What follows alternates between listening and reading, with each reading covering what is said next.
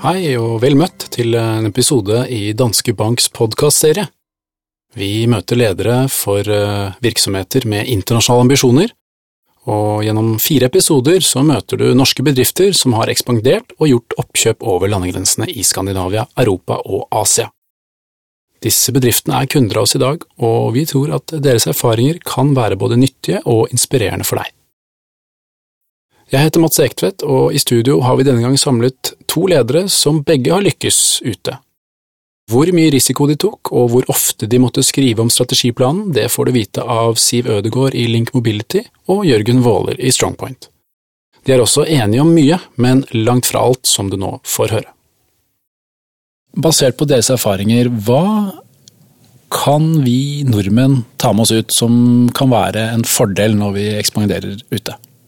Kan jo være ulike ting. som For vårt vedkommende så har det vært dette med, med teknologi.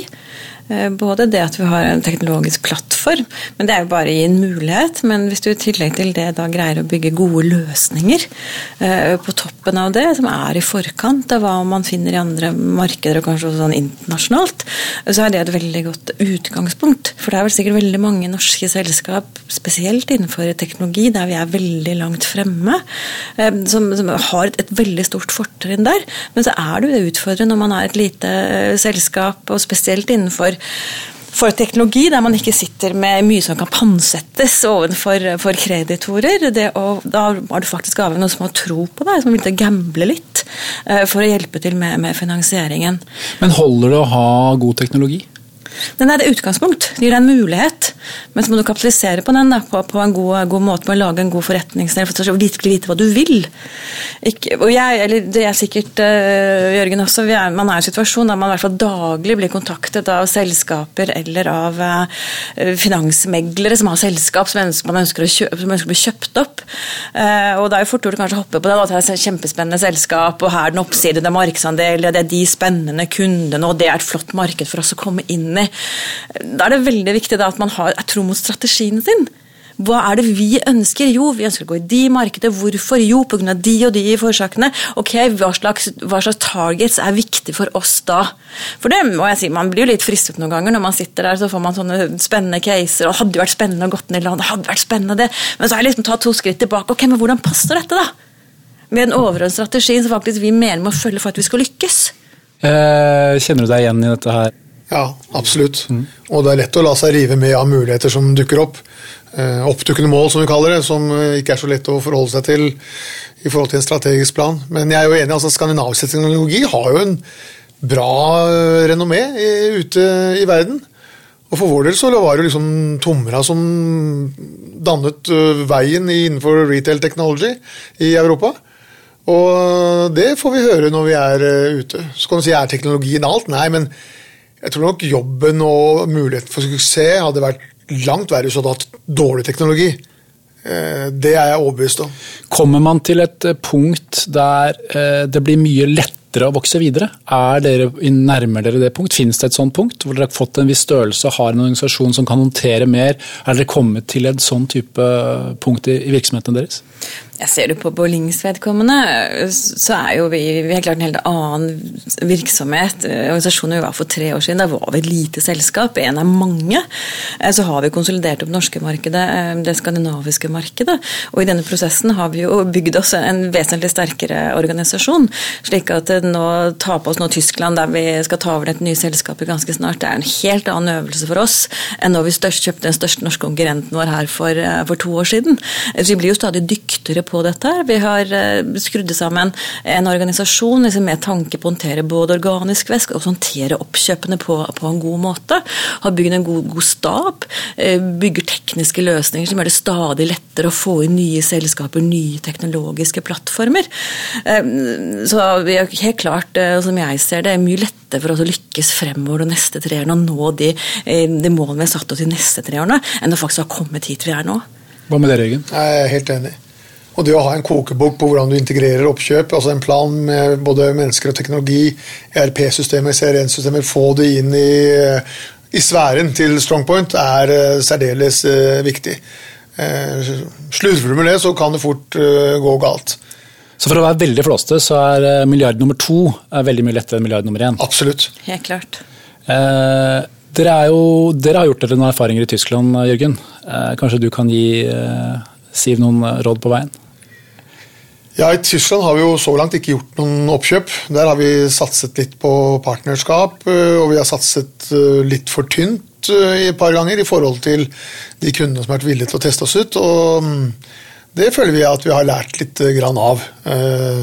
Så det vi gjør nå i Tyskland, er jo både bygge opp en egen organisasjon, vi er nå 20 mann der ca., og ha med oss eh, partnere som kan håndtere større utrullinger, for det er særdeles viktig for oss. Og så har du i hvert fall erfart én ting, begge to, og det er jo at ting tar uh, tid, uh, og lenger enn man tror. Eller kanskje ikke, Siv? Både og. Eh, noen ganger så blir man overrasket litt skremt at ting kan gå veldig fort. Eh, andre ganger så går ting ekstremt sent. Og det er det veldig vanskelig å forutsi. Eh, være seg etablering i land, være seg utvikling av produkter og tjenester. Så det er det vel det å ha en masterplan, ha strategi man har tro på, og så, så får man tilpasse seg best mulig og ta det som det kommer. Man må regne med å bli overrasket? Det er vel en del av det. Ja, det er det samme her, og det går begge veier. og man snakker jo mye om strategiplan, men for oss er det nå det er nesten en Man har nesten en månedlig gjennomgang av strategiplanen. Det er et så levende dokument. Eh, og, og, hvis vi sender den til styret f.eks. hvert halvår, så vil de ikke kjenne igjen halvparten av det som var et halvt år i forveien. Så fort det går, og det er jo veldig, det er godt tegn at du må skrive om 50% av strategiplanen hvert halvår. Jeg regner med at eh, det er noe dere også opplever, eh, Siv? Ja, det skjer jo voldsomt. Så du kan ha hovedretninger og alt det? det, det ja da, det, det, har man jo. Liksom aktiviteter og ja. Det tilbyr, ja, plutselig dukker opp eh, noe fra sidelinjen i forhold til noe mulighet man selv mm. ser, eller noe som plutselig hunder skal ha. Plutselig så åpner det seg en mulighet, og så er det kanskje ikke ting som går helt som planlagt. Så, så det er en del av det, og det er dynamikken. Flere nye land av gangen. Ja. Det må være krevende. Det, vil det jo være, men så er det det å, å, eh, ta mulighet når de kommer også. Da. Det optimale hadde jo vært liksom, hvert kvartal og annethvert kvartal så har man et nytt Alt er forutsigbart, men det er jo ikke, ikke sånn det fungerer. og det er, Akkurat det får du ikke alltid uh, styrt helt. Man kan selvfølgelig si at ok, nå, hvis man plutselig dukker opp en mulighet eller om det løsner i noen forhandlinger, så ok, nå kan vi ta på det landet vi er allerede i gang med et annet land. Uh, så blir det jo ikke slik at nei, nå venter vi et halvt år, for nå må vi rulle det først. Sånn, da bretter vi opp armene, og så bruker vi det vi har ressurser, og så går det seg til. Hva tenker du, Jørgen? Det høres, dette høres jo helt uh, rock'n'roll ut. Altså, jeg vil si det er uh, flere oppkjøp samtidig er nok mer utfordrende enn flere land. Altså, du kan ha en organisk aktivitet i et land, du kan håndtere nabolandet Malaysia, Singapore fra samme organisasjon. Uh, men å håndtere og integrere to eller oppkjøp eller flere samtidig, det det ønsker vi å unngå. Det, det, høres krevende ut. Litt avhengig av størrelse, litt avhengig av eh, det management-teamet du kjøper, selvfølgelig. Men øh, det er så viktig å gjøre de riktige tingene de første 100 dagene at øh, det ville vi prøvd å unngå. Men Siv har funnet løsningen. Hun ja. bare gir dem stor del av sjappa, så jobber de som gærne. Stemmer ikke det, Siv? Jo, det er jo viktig for oss. Jo, altså En earnout-modell og sånn, det, det, det, ja. det er litt lettere. Men du skal ha det med seinere òg, etter earnout-perioden. Men det, nei, det som er viktig, Vi har jo ikke earnout, vi, vi gjør en del oppkjøp i, i, aksjer. Eh, men det som er litt spesielt i vår bransje, det er en ganske, er en ganske ung bransje. Mm. slik at de fleste selskapene eh, som er interessante for oss, de er gründerdrevne. Det er folk i 40-50-årene som har levd og spist og sovet og mm. tenkt på butikken sin i, eh, i 20 år. Når de selger, så er det ikke fordi de skal ta pengene og legge seg under en palme på Hawaii. Det er primært fordi de ser de utviklingene som er i bransjen. De ønsker, de fått til ganske mye. De ønsker å bli en del av Link, og at vi liksom sammen skal fortsette å utvikle deres marked og, og, og, og større og internasjonalisere virksomheten. Så for Link bruker jo da en kombinasjon av uh, cash, equity og salgskreditt, selvkreditt. Er det ting her som er på tide å se på finansieringsmodellen en gang til, Jørgen? Altså for oss så varierer den fra case til case. og Det kan være selgekreditt, det kan være aksjer. Som regel har det vært aksjer og kontanter. Og ofte er det også en earnout-element i, i, bildet. Men dere har, kanskje, dere har, jo, dere har også en god del industrielle oppkjøp, selvfølgelig? Absolutt. Ja. Og Da fungerer jo det på en annen måte. Eh, men opplever du det samme som Siv gjør i forhold til det å kjøpe gründervirksomheter? Eller gründereide virksomheter? Det er litt som Siv sier, altså den, den si, teknologien som uh, Link steller med, er jo litt nyere enn mye av det vi steller med. Så de selskapene vi har kjøpt opp, har nok en høyere alder enn det Link har hatt uh, så langt, vil jeg tro. De skal uh, til ja. Palmesuset. Ikke sant. Mm. Ikke sant. Men så, det var jo interessant å høre at du har fått ny stilling, for vi tok den beslutningen for tre år siden å ansette en egen konserndirektør full tid på M&A. Og det har hjulpet oss betydelig fokus, fokus, fokus også på å gjøre de riktige oppkjøpene, og ikke minst screeningprosessen. For det tar fryktelig lang tid. Er det, er det slik for dere begge at dere kommer fra land og for så vidt har teknologi som er såpass langt i forkant at dere i liten grad tar med dere nye erfaringer, ny teknologi, nye løsninger fra andre markeder videre ut i verden? Er det sånn at all utvikling foregår i Norge? All testing, prøving foregår her? Nei, langt derifra. Det, det, vi typisk gjør når vi går inn i et, nytt selskap, da, så ser vi jo på deres tekniske plattform. Har de eh, egenskaper, eh, funksjonaliteter som ikke vi har, eller som er bedre enn det tilsvarende vi har, eh, så tar vi med oss det. Er det også tjenestelag de har? Type tjenester, tilpasning som de har, som er bedre enn det vi har, så har vi selvfølgelig det og legger det inn i kjerneteknologien vår og kjerneporteføljen vår av, av tjenester. og, og og, eh, så i forhold til ja, vi er veldig langt fremme i, eh, i Skandinavia, spesielt Norge. Men det er ikke nødvendigvis bare på det teknologiske, det er veldig mye på bruken. At vi liksom har sett forretningsmulighetene i forhold til bruk av, av mobiltelefonen. Så det er der den veldig styrken vår er. Hva med dere, Jørgen?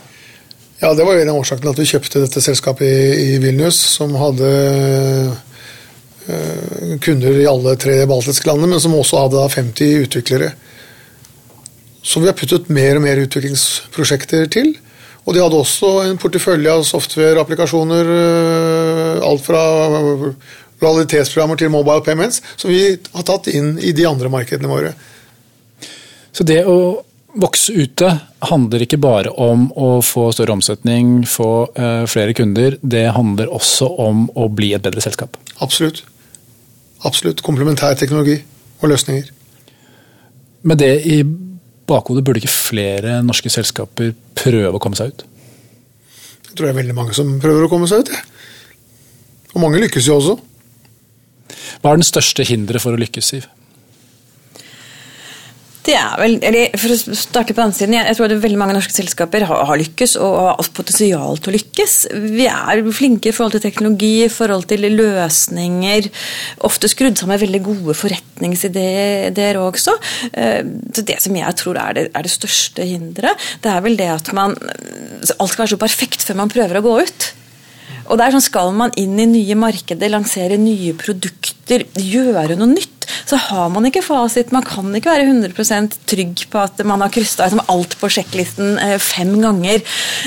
Så min holdning til dette, egentlig mange ting her i livet, så skal man komme videre. Så ja, man skal gjerne levere 200% men greier man å levere 80 så har man stort sett gjort en god, god nok jobb. Vi, vi kommer fra et liv... Unnskyld.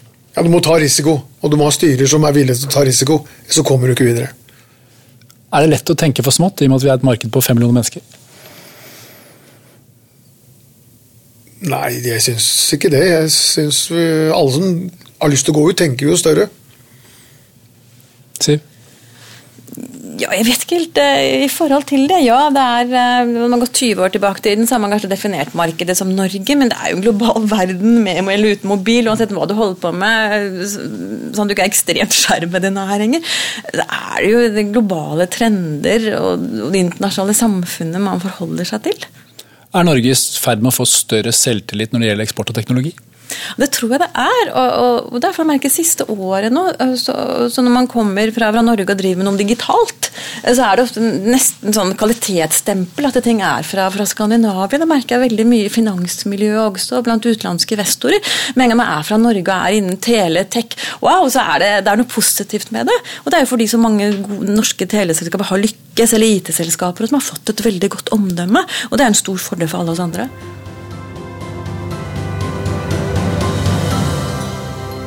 På vegne av Danske Bank så sier vi tusen takk for oppmerksomheten. Håper det var nyttig, og at du kanskje ble litt inspirert til å stå på videre i egen virksomhet, og kanskje fikk du også noen internasjonale ambisjoner hvis du ikke hadde det fra før. Jeg heter Mats Ektvedt, og hvis du har lyst til å høre flere av våre podkaster om virksomhet over landegrensene, så finnes de også på iTunes og Soundcloud. I disse programmene møter du Siv Ødegård i Link Mobility, Jørgen Våler i Strongpoint og Øystein Økland i Norstat. De forteller om sine utfordringer og erfaringer ute i verden.